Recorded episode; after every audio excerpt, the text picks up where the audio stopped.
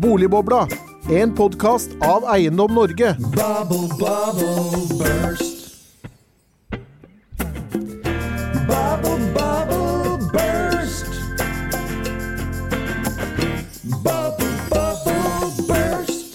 Velkommen til Boligbobla TV. Hvordan ble utviklingen i boligprisene i juli, spør vi.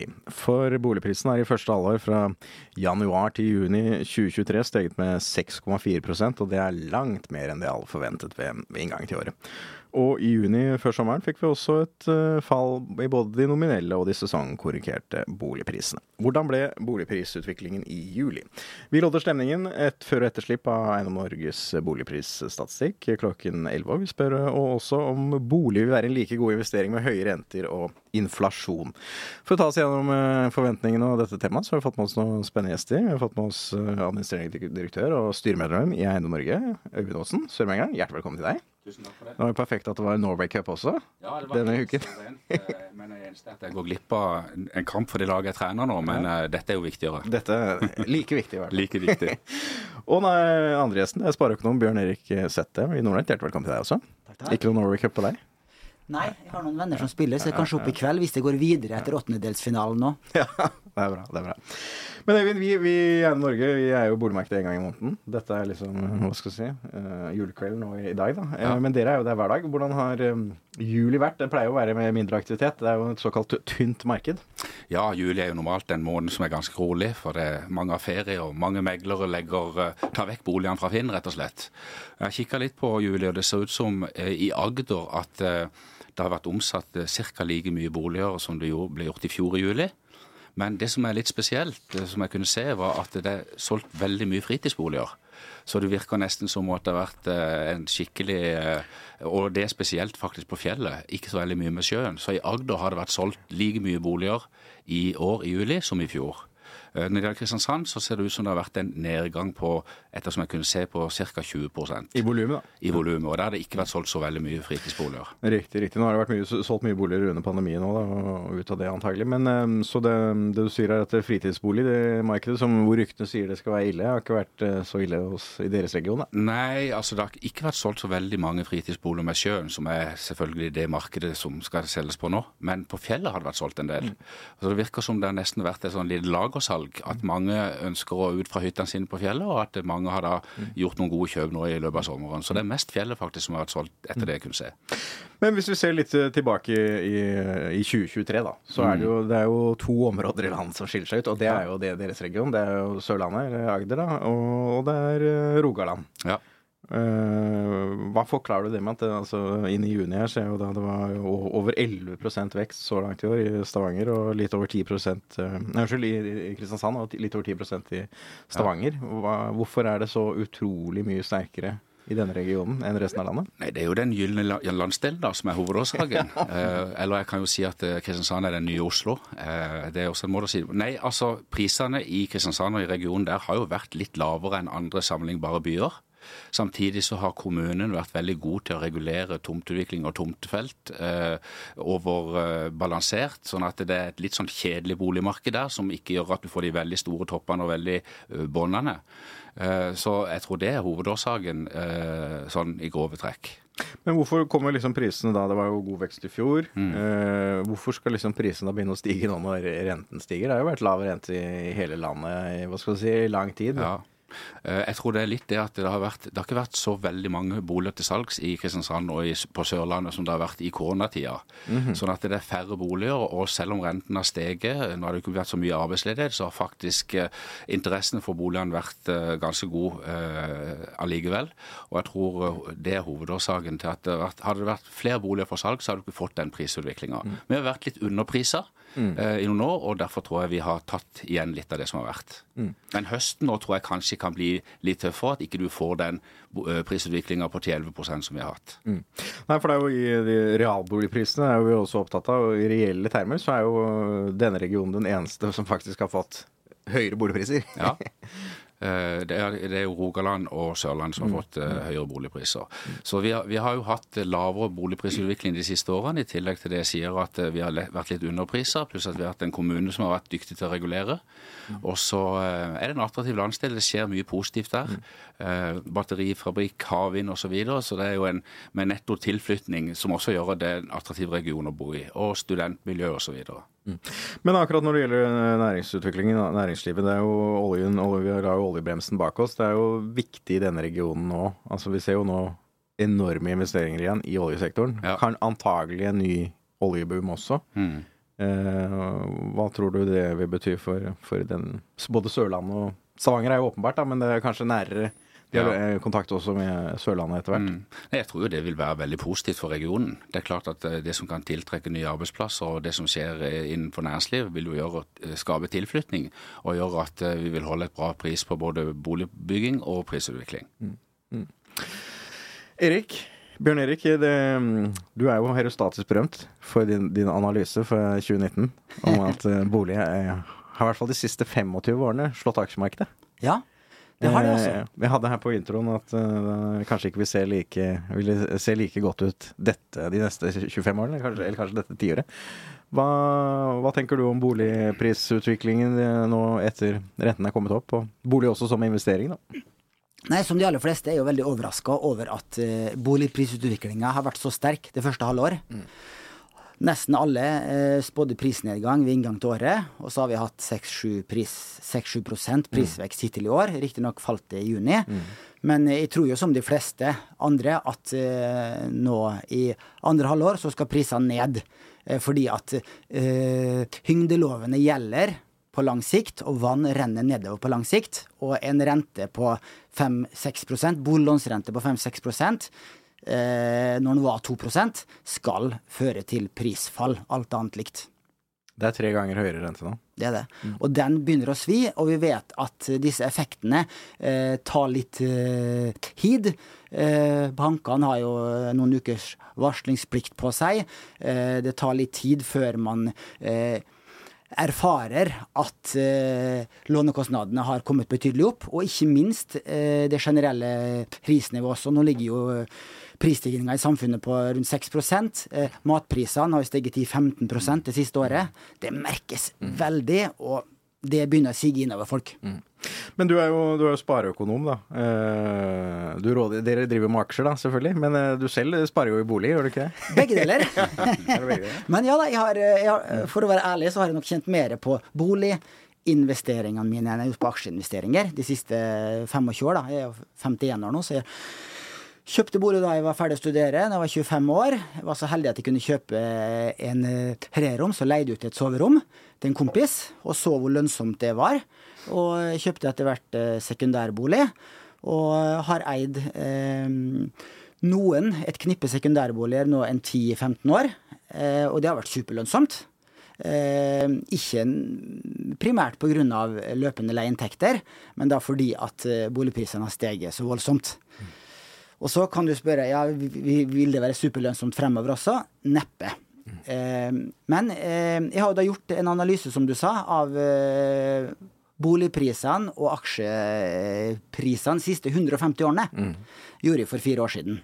Eh, og eh, jeg kan godt dra gjennom den litt. grann. hvis, Ja, vær så god. Eh, fordi at da jeg begynte som spareøkonom i Nordnett for eh, fem år siden, så var det et veldig vanlig spørsmål. At, At det eh, var enten så skulle folk kjøpe sekundærbolig, eller så skulle de plassere i aksjemarkedet. ja, og eh, da sa de fleste at ja, men det er jo mye mer lønnsomt å kjøpe en sekundærbolig enn å investere i aksjer og aksjefond. Og da eh, jeg tenkte det, det, det skal jaggu Det var det, på. det var det kundene spurte om. Ja, det var det jeg- som var selling Det var i hvert fall en del eh, som mente det, og jeg tenkte jeg var jo nysgjerrig på deg selv. Og jeg hadde jo også erfart at eh, det å kjøpe en utleiebolig hadde vært superlønnsomt.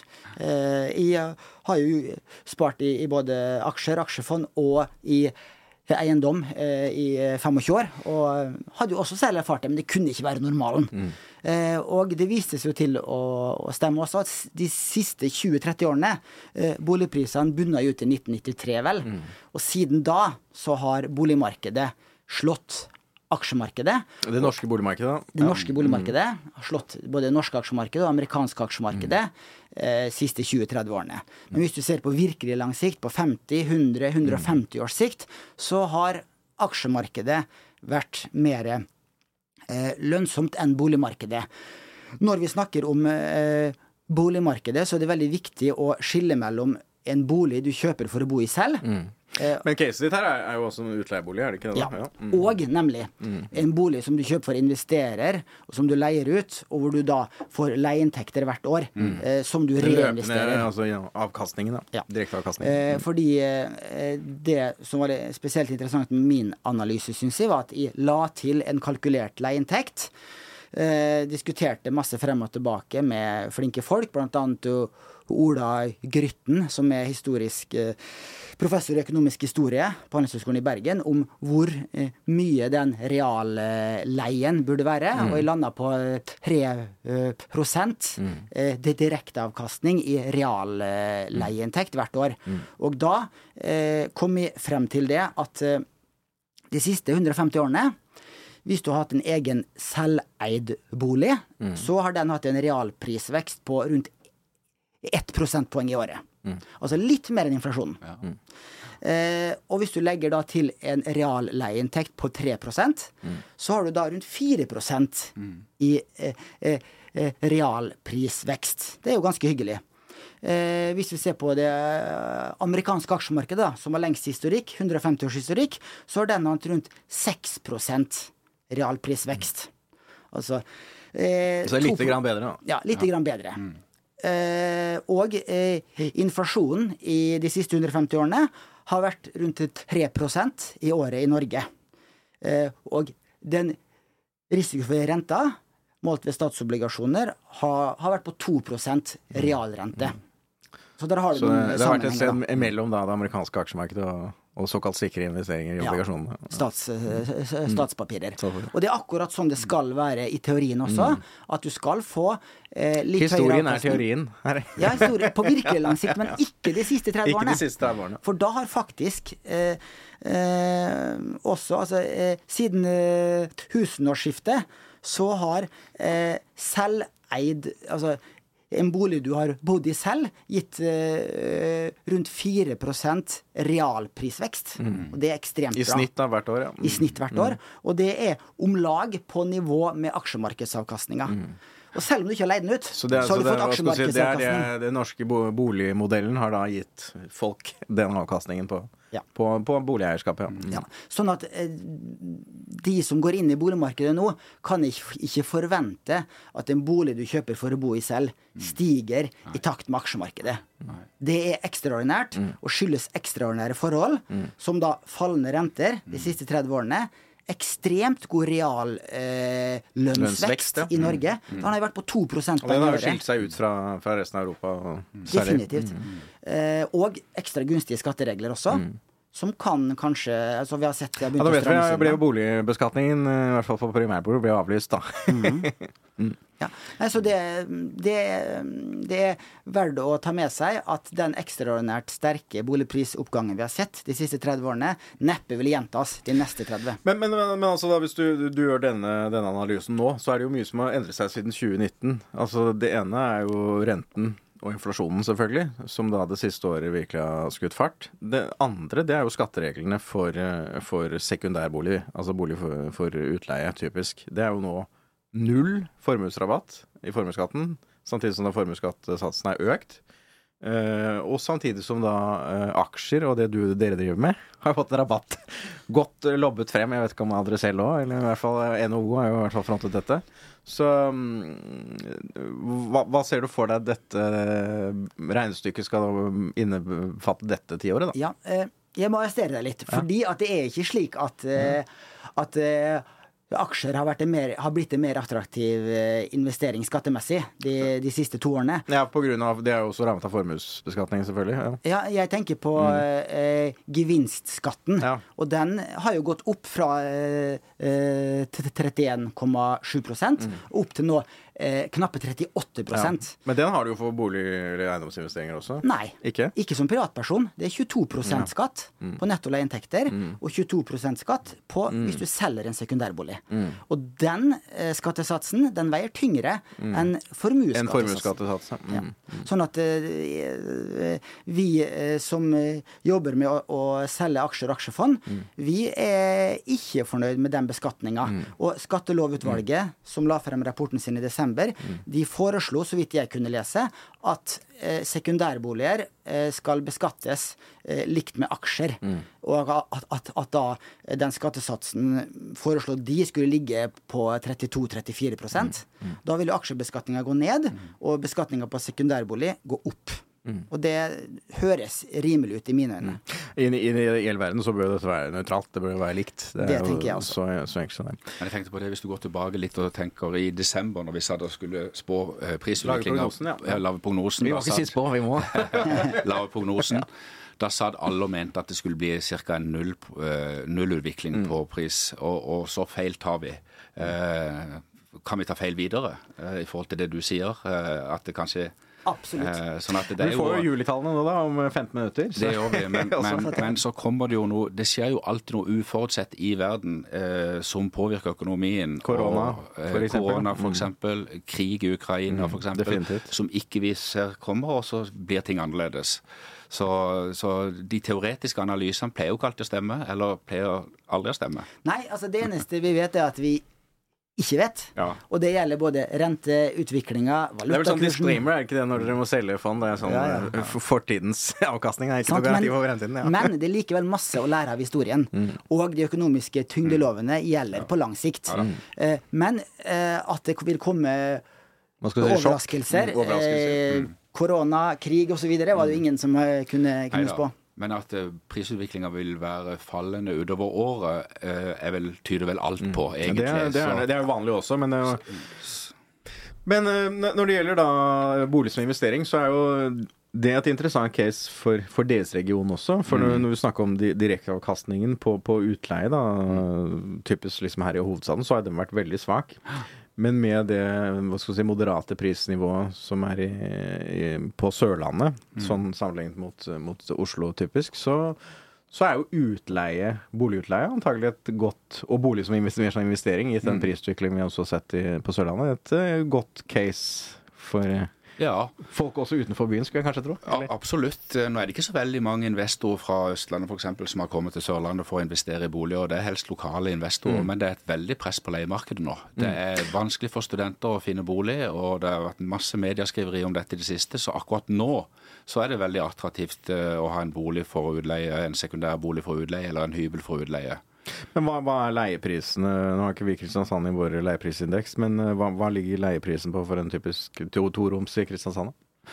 Eh, Det er et godt spørsmål. Nå driver ikke Sørmegler med utleie men, eh, men hvis du skal ha en toroms eh, på 60 kvadrat, eller en toroms er vel mindre, på 40 kvadrat, så skulle jeg tippe at den vil koste eh, 13 000-14 000. Og altså, hvis du snakker om da direkteavkastning, og la oss si den boligen koster 2,5-3 millioner, Så så er det jo det meget god. Meget god. Ja. Meget god. Det Det direkteavkastning. Ja, det er det. Kanskje vi skulle selge utleieleiligheter min i Oslo og kjøpe i Kristiansand isteden?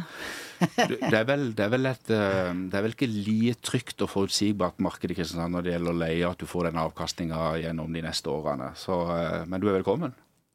Men, i- men i Rogaland så er jo altså det prisnivået i Rogaland og Stavanger er jo Ja. blitt relativt rikt, og der er jo i hvert fall et godt utleiemarked, i hvert fall historisk verdt det. Ja. Eh, kan det tenkes at da, skal si, denne regionen blir, blir vinneren, da, når, hvis du skal ta den konkurransen du har? Ja, eh, Eller analysen du hadde? Ja, nei, jeg er ikke jeg er ingen ø, boligprisekspert, og hvilke områder som, vi, som vil eh, være attraktive fremover. Sånn, det, det har jeg ikke så mye peiling på, men det jeg har i hvert fall sett, både på, ja, på lang sikt, er at Oslo eh, utmerker seg spesielt. I likhet med de fleste hovedsteder i verden, så er hovedstadsmarkedet er et eget marked.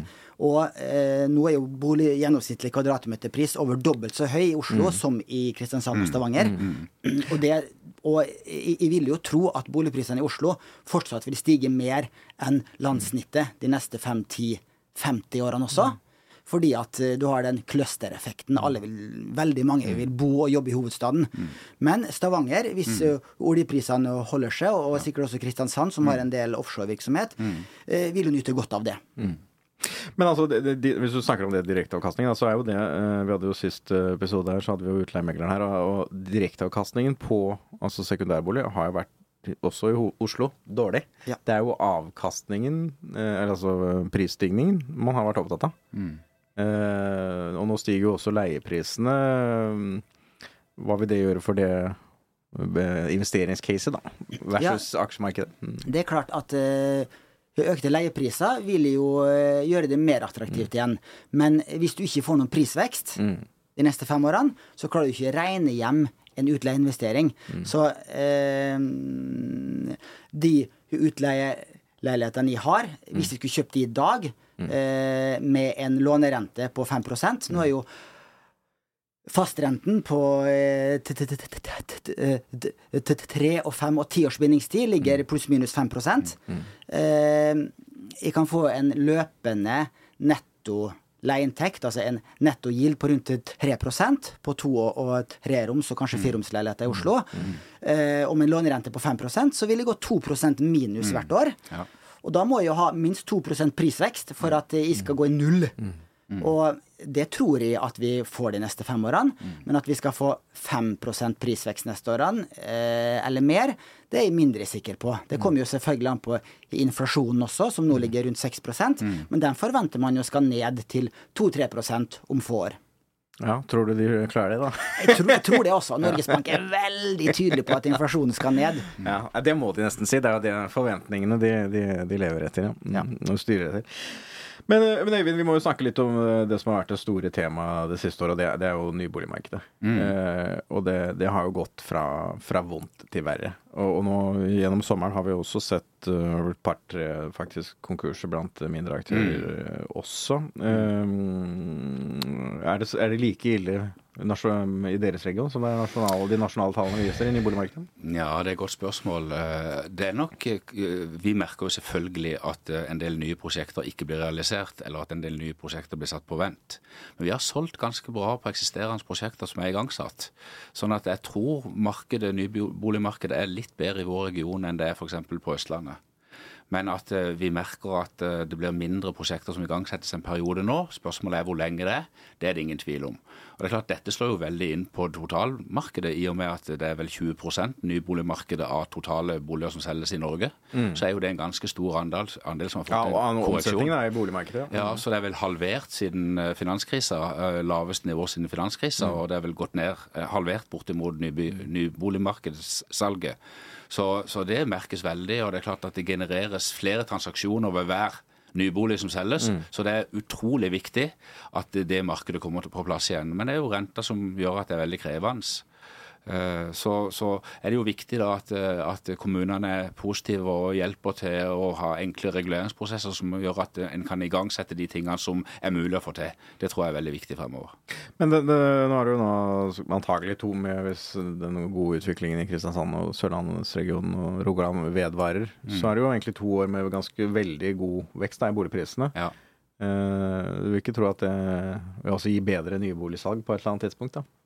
Jo, eh, det er klart at nå er jo bankene også strenge og stiller krav til forhåndssalg og hvor mye Sånn at eh, du skal jo realisere det, ellers så må du jo Det er jo mange sterke entreprenører som kan gjøre mye med egenkapital. Eh, Sånn at jeg tror vi har et fortrinn fremfor flere andre regioner eh, i Norge.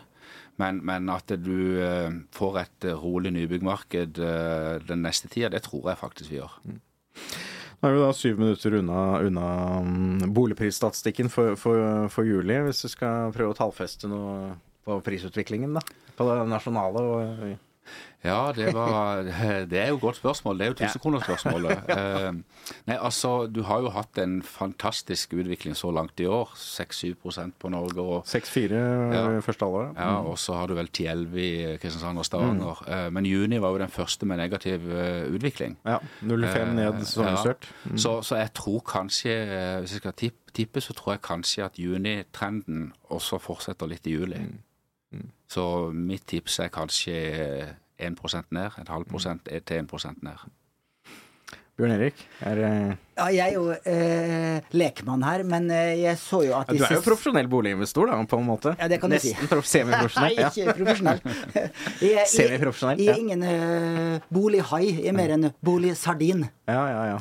Så, eh, og er veldig snill, eh, snill utleier òg, vil jeg påstå. fordi at eh, jeg er ikke sånn som skviser leietakerne og som maksimerer leia. Jeg har jeg, regner på det at de leietakerne jeg har leid ut Jeg, jeg har fire leiligheter i Oslo. Mm de, Mhm. Da er du sammen- nesten profesjonell, da, for det er jo fem, er det ikke det som er kravet til Ja, men vi har en ektefelle òg, vet du, så vi Å, kan ja. strengt tatt ha fire ja, er sekundærboliger såpass, ja. Så vi har to hver. Riktig, Eh, riktig. Men eh, på de fire, da, så har vi gjennomsnittlig leieperiode er tre år. Mm. Og det er jo bra, vil jeg tro. Eh, for at jeg vil ikke leie, skifte ut leietakere hvert år, for det er jo en stor jobb. Mm. Eh, men i hvert fall, eh, jeg så at eh, de sesongkorrigerte prisene er normalt ned i juli. Mm. Og det tipper jeg at da vil det, den normalsituasjonen, eh, også være tilfellet nå i juli. Og så vil det bli litt mer enn den vanlige nedgangen, Mm. fordi at renta nå begynner å smerte. Ja, nei, vi får se. Det er nå tipper jeg på tips. Norge, så jeg må jo tro på en litt bedre utvikling i den regionen jeg kommer fra. Men eh, Bjørn Erik, det, det, det, du er jo utleier, da. Du har ikke benyttet anledningen da, til å justere for eh, KPI? Jo, det har jeg selvfølgelig gjort. Eh, Har du gjort det hele tiden? I, Ja, faktisk ikke under eh, korona, så gjorde jeg ikke det. For da var det flere av studentene som flytta hjem til foreldrene sine, og sånn, så da falt det ikke i samvittighet til å oppjustere leia. Men nå oppjusterte de nå sist med 6,4% ja, og det, det er jo ikke Det er jo ganske bra. Ja, det er veldig bra. si. Det har jo vært mye, mye lavere før, men, eh, Mm. men selvfølgelig den lave inflasjonen også har jo hengt sammen med en lav rente. Mm. Sånn at eh, så, Men det er absolutt en stor hjelp at man kan oppjustere leiene med 6 nå. Det, Mm. det hjelper på lønnsomheten. Men eh, netto, Mm. siden rentekostnaden har tredobla seg, så har lønnsomheten gått ned. Det er ikke tvil om det. Men det er jo en delikat problemstilling, det der. fordi at den, den KPI eh, Henning og jeg Lauritzen, vi så litt på det i går. altså Det er jo husleieloven fra 1999. Det er jo det som åpnet for kopijustering. Og egentlig siden 1999 så har jo ikke konsumprisindeksen steget noe nevneverdig. Det er jo egentlig første gang at dette faktisk blir en problemstilling. Og det delikate i denne sammenheng er jo også det at den KPI-en er jo det som også påvirker renten. Så du kan se for deg at du kan få deg en litt sånn eh, spiral her. Altså at stigende KPI det gir også faktisk stemmer renten, KPI stiger pga. renten. Hva, hva tenker du om det? Jo, det er et poeng, det. For den eh, Altså Husleie er jo da en Ja. eh, 20 prosentpoeng Ja. vekting av, eh, av, eh, av kopi. Ja, det er vel den største faktoren den største i kopi. enkeltfaktoren, ja. Sånn at det er klart at du vil ha en viss spiral her, Mm. men de andre 80 prosentene er jo eh, mat og klær eh, osv. Så. Mm. Eh, så den er jo eh, viktigere. Og ikke minst kronekursen er Mm. jo også veldig viktig her. Hvis krona fortsetter å svekke seg, så vil det automatisk føre til høyere inflasjon, Mm. fordi veldig mye av de varene vi kjøper, er importert. Mm. Og bare en liten brannfakkel helt på slutten. Hvis du måler eh, boligprisene i euro eller dollar, så har Mm. Så er det de eh, falt. Eller så, så har det vært null nominell prisutvikling Mm. de siste fem og siste ti år. Eh, og hvis du da justerer for inflasjon, så har du hatt et boligprisfall I global, dollar eh, og euro. Valuta, Ja, ja. Så nordmenn har blitt fattigere i internasjonal målestokk de siste fem og ti årene. Definitivt. Det er ikke like hyggelig med den der New York-turen sånn som det var for ti år siden. med dollarkurs på, på 10 kroner. Er? Se, nå begynner det å nærme seg her. Da. Eh, Men eh, vi har jo et rentemøte også. Det er jo mm, neste eller 14 dager, da. 17. 17. august. Eh, Har du noe Det blir vel ganske sannsynlig at det blir en liten økning der òg? Ja. Øyvind? Ja, vi tror vel på en økning. En enkel økning denne gangen, kanskje på 0,25. Bjørn Erik? Ja, 0,25. Det er noen som spår 0,5 også, men det tror jeg er litt voldsomt. Det var jo 0,5 nå i juni. Da tenker jeg det roer seg litt nå. Og så har de jo spådd at rentetoppen skal være på 4,25 altså to renteøkninger til av 0,25. Og det mm, høres greit ut, men der også er det jo stor usikkerhet. Jeg må jo si Det var jo en, overraskelse, den doble renteøkningen. Både, både doble renteøkningen i, juni, men også stilen til Ida Wollenbakke. Hun skulle ha ned, hjørnet med kronekursen der, for å si det sånn. Eller hva var din jo, absolutt. De er veldig ty- ty- tydelige på det, og jeg tror det er viktig også. For å ha eh, kredibilitet i det at de skal nå inflasjonsmålet om lag 2 Men der går vi, ser vi pressekonferansen er i, er i gang her også, så da tror jeg vi skal ta og sette over til, eh, til Henning Lauritzen i første etasje her. Så kommer vi tilbake med halen på sendingen eh, etter vi har fått eh, tallene. Hjertelig velkommen til pressekonferanse om Eiendom Norges boligprisstatistikk for juli 2023. Og denne statistikken utgir vi i samarbeid med Eiendomsverdi og finn.no. I juli så sank boligprisene nominelt med 1,1% Sesongkorrigert steg prisene med 0,2 Ja, da fikk vi, fikk vi tallene her. Det ble en nominell oppgang på 1,1 Nei, unnskyld, nedgang på 1,1% og en øh, oppgang i de sesongkorrigerte prisene på 0,2% Dette var vel sterkere enn det det både du og de fleste andre ventet for juli, Øyvind? Ja, vi sa vel fra 0, minus 0,5 til 1, men, ja. så det er vel innenfor så noenlunde. Men det var ikke så veldig mye overraskelser i dette. Eh, Kristiansand, Stavanger litt bedre enn en gjennomsnittet. Det som kanskje var litt overraskende, er Bergen, som var så langt ned. Eh, samtidig så er det små volumer på denne tida. Så jeg syns egentlig dette var nesten som forventa, og ikke de store overraskelsene. Nei, men det er jo øh, Veksten i din region, da, den, den vedvarer jo. Den vedvarer, det gjør han. Øh, Men det var tross alt ganske mye svakere enn det har vært tidligere. Så vi er på vei litt nedover når det gjelder prisutviklinga også i vår region. Og Bjørn Erik, hva, er dine tanker rundt øh, tallene? Jeg syns det var overraskende sterke tall. Sa Det syns jo vi også, da vi fikk, Ja. fikk dem. jeg Sånn, si. jeg sa jo før sending at. Eller jeg sa jo før eh, pressekonferansen at jeg også trodde på en liten nedgang i sesongkorrigerte tall, og det var en liten oppgang på 0,2, var det vel? På Og det var jo også store forskjeller da, i, i, i landet øh, nå. Så Og Oslo var opp. ja. Eh, Så nei, jeg overraska over at eh, boligprisene holder seg så bra når renta nå har begynt å smerte. Men vi får ikke et kraftig boligprisfall før arbeidsledigheten går vesentlig opp. Og det har vi ikke sett tegn til ennå. Så jeg er ikke så veldig bekymra. Men at boligprisene skal ned det neste året, eh, og at da den oppgangen vi fikk i første halvår skal reverseres, det det, det tror jeg på, men eh, selvfølgelig, jeg, jeg tar ofte feil. Da er spørsmålet kommer det arbeidsledighet. Ja, nei, det ser, det ser nesten burde ikke kommet. Den burde kommet. Ja. Mm. Det ser nesten ikke sånn ut. Altså, eh, Norge er nok heldigere enn mange andre land. Vi har en Mm. stor offentlig sektor. Eh, det er bra aktivitet i oljebransjen. Mm. Eh, sånn at eh, Norge er nok bedre stilt enn eh, de fleste andre land. Men, men Øyvind, det er jo mm, øh, ny, Nyboligmarkedet går jo buttere. Hvis, hvis arbeidsledighet skal komme, så er det jo der det kommer. Men Ja. det er jo gjerne gjestearbeidere. Så det skal jo Ja, vi vil kanskje få en svakere utvikling utover høsten, gitt hva skal du si, renteutviklingen. Men du kan jo se for seg at dette egentlig ja, går relativt greit eh, også. Ja, Ser du på historisk, så skal det jo ikke gjøre det eh, med, med de, den utviklinga som er nå. Men, men som du sier, det er litt annerledes nå, så det er ikke sikkert veldig sånn som tidligere. Så, eh, men det blir veldig spennende å se hvordan entreprenørbransjen klarer seg fremover. Det blir jo en nøkkel til veldig mye. Og så er det jo eh, veldig interessant å se at det er jo eh, stor netto befolkningsvekst nå. Mye pga. flyktningene fra Ukraina.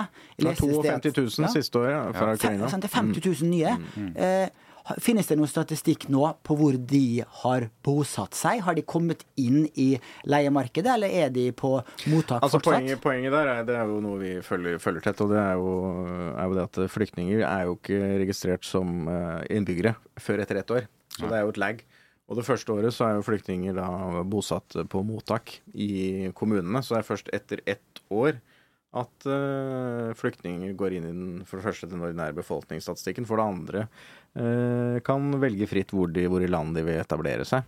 Eh, Så, så det er jo en forsinkelse, mm. selv om det umiddelbart har betydning for boligetterspørselen, selvfølgelig. Ja, så de har det- ikke ja. skapt noe særlig eh, press i leiemarkedet Jo, det hittil? har de, fordi at nå, det, så kommunene rundt omkring i landet har jo støvsugd mm. markedet for utleieboliger. Og regjeringen har jo også sparket i gang før sommeren en boligdugnadskampanje. For å øke, for å få flere til å leie ut altså over hele landet. Så, så at boligetterspørselen har de jo skapt allerede, antagelig. Eh, Så, Så det, det er jo definitivt noe som drar opp, og som kanskje vil skape problemer også lenger frem i tid, gitt den lave nybyggingsaktiviteten. Men jeg så dere Dere var ikke enige i budskapet her om å vente på renteøkningen? Nei, Vi snakka litt om at uh, hvis du skal eh, utsette den en måned for at den kommer, så er liksom hva er poenget? Er det litt mer seigpining? Er det like greit å ta problemet når det er der, eller få gjort det med en gang eh, og bli ferdig med det? Rive av plasteret? Jeg, jeg tenker jo at det er det beste, sånn at vi kan venne oss til et nivå som gjør at vi kan ta sats derfra, fremfor å seinpine for lenge utover. Så du ville heller hatt uh, kraftig renteoppgang men, men, men å, å drøye en måned eller to, det er jo ikke noe stort poeng, syns jeg. Jeg tror bare det er negativt. Eh, Og så er det veldig, veldig viktig uh, å s- sende tydelige signaler om at, eh, om, om at inflasjonen skal ned. Ja. For hvis nå de venter for lenge, og eh, inflasjonen får feste seg der oppe, så begynner alle b eh, b b eh, bedrifter å skru opp prisene sine. Og da blir det veldig vanskelig å få ned inflasjonen om et halvt år, om ett år igjen. Ja, det er noen som kaller det greed inflation, ikke inflation. Ja, eller eh, shrinkflation også. Shrinkflation er også for mindre varer. ja, ja. Men det var vel SSB var vel på Debatten, da sa det hadde de kontroll på. Det er det fenomenet der, Ja. Men um, det er jo rentemøte nå da, i august. Dette, dette er jo et argument også for Norges Bank til, til å øke renten ytterligere. Ehm, hva tenker du, Bjørn Erik? Jo, eh, det at boligprisene holder seg så sterke, eh, er eh, absolutt et argument for at de eh, kan øke ytterligere. Hadde du sett et betydelig boligprisfall nå, så ville det absolutt vært noe som Norges Bank eh, har med i vurderingen. For de skal jo eh, både holde inflasjonen på nær 2 og sikre for eh, finansiell stabilitet. Og innen finansiell stabilitet så er boligmarkedet en viktig komponent. Nei, Det er jo overraskende at, at boligmarkedet har holdt så bra stand, gitt at vi da det siste året har hatt en altså tredobling av styringsrenten og en kraftig økning av uh, markedsrentene. Og nå i august da vil jo den renteøkningen, doble renteøkningen vi hadde i juni, den vil jo slå inn i for de eksisterende boliglånene nå. Det er jo grunn til å anta at dette hvis, hvis renten først skal begynne å bite, så bør den begynne å bite nå. Ja, og etter ferien og sommeren, og folk har brukt mye penger og reist, og så får du den De doble renteeffekten. eh, feriepengene jeg brukte på, de Ja, 40 milliardene, så, uh, som er altså dobbelt ja. så mye som året før, som folk fikk tilbake på skatten også. Mm.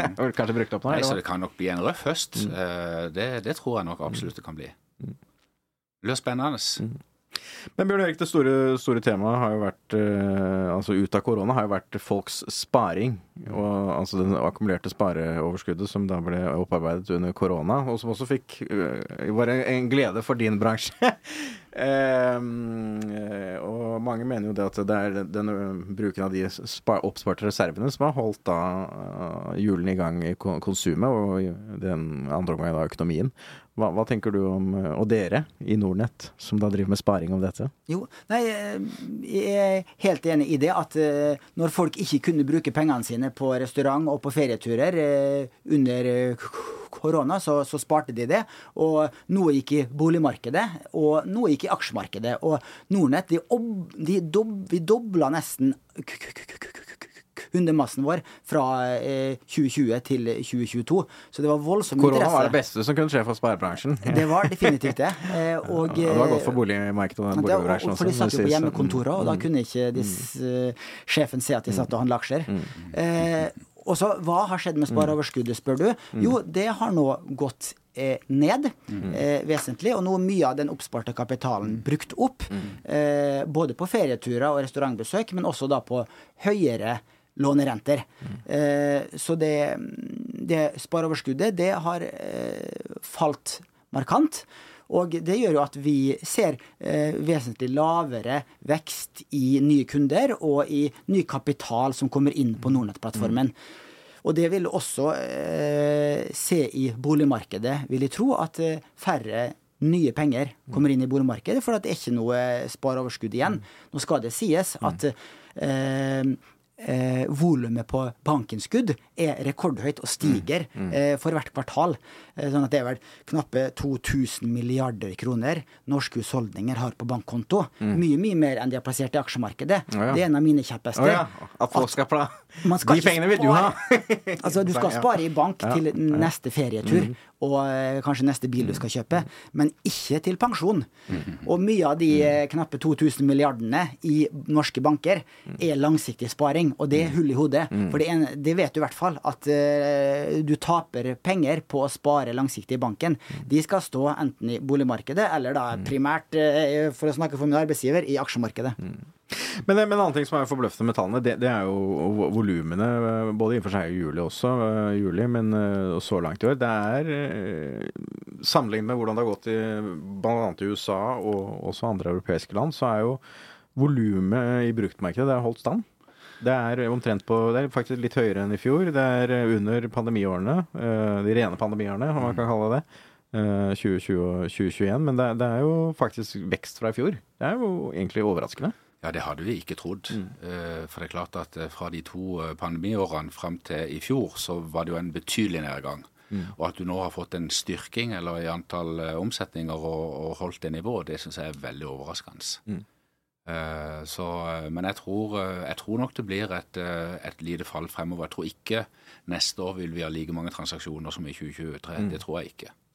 Men eh, vi har jo sett nå flere av Eiendom Norges andre medlemmer. De har jo sagt nå at det er store, store mm, volumer som skal ut i, i brukt boligmarkedet nå, de kommende ukene og ut i august. Og august er jo, og september er jo måneder med veldig, veldig stor aktivitet.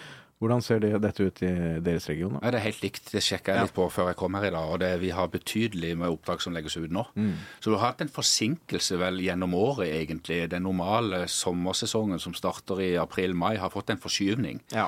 Sånn at eh, vi ser at det er veldig mye eh, på Finn. Nå er det mye flere oppdrag ute nå enn det har vært tidligere. Eh, Så Sånn sett så kan det bli en bra begynnelse på høsten med, med masse transaksjoner. Og det, det skal jo også tilsi der mer moderat prisutvikling, selvfølgelig, når det blir mer Ja, med, med, når det blir flere boliger, så blir det mer moderat prisutvikling. Og det er jo i tråd med det som vi tenker her fremover. Strålende. Vi skal gå inn for, for landing. Dette var jo hjertelig takk til Øyvind Aasen, sørmegleren, og Bjørn Erik Sættem i Nordnett for Boligbobla TV. Vi er tilbake med en ny episode av ordinær Boligbobla podkast neste uke, om, eh, da vi kommer med leieprisene for eh, andre kvartal. Og så møtes vi jo selvfølgelig på Arendalsuka med samarbeid med dere i Sørmegleren 15. 15. august. Ja. Så da skal vi også se om vi får, får opp noen eh, strømmesendinger på Boligbobla. så hjertelig takk eh, til dere to. Så vi ses ved neste korsvei. Takk for det. Takk for det. Boligbobla, en podkast av Eiendom Norge.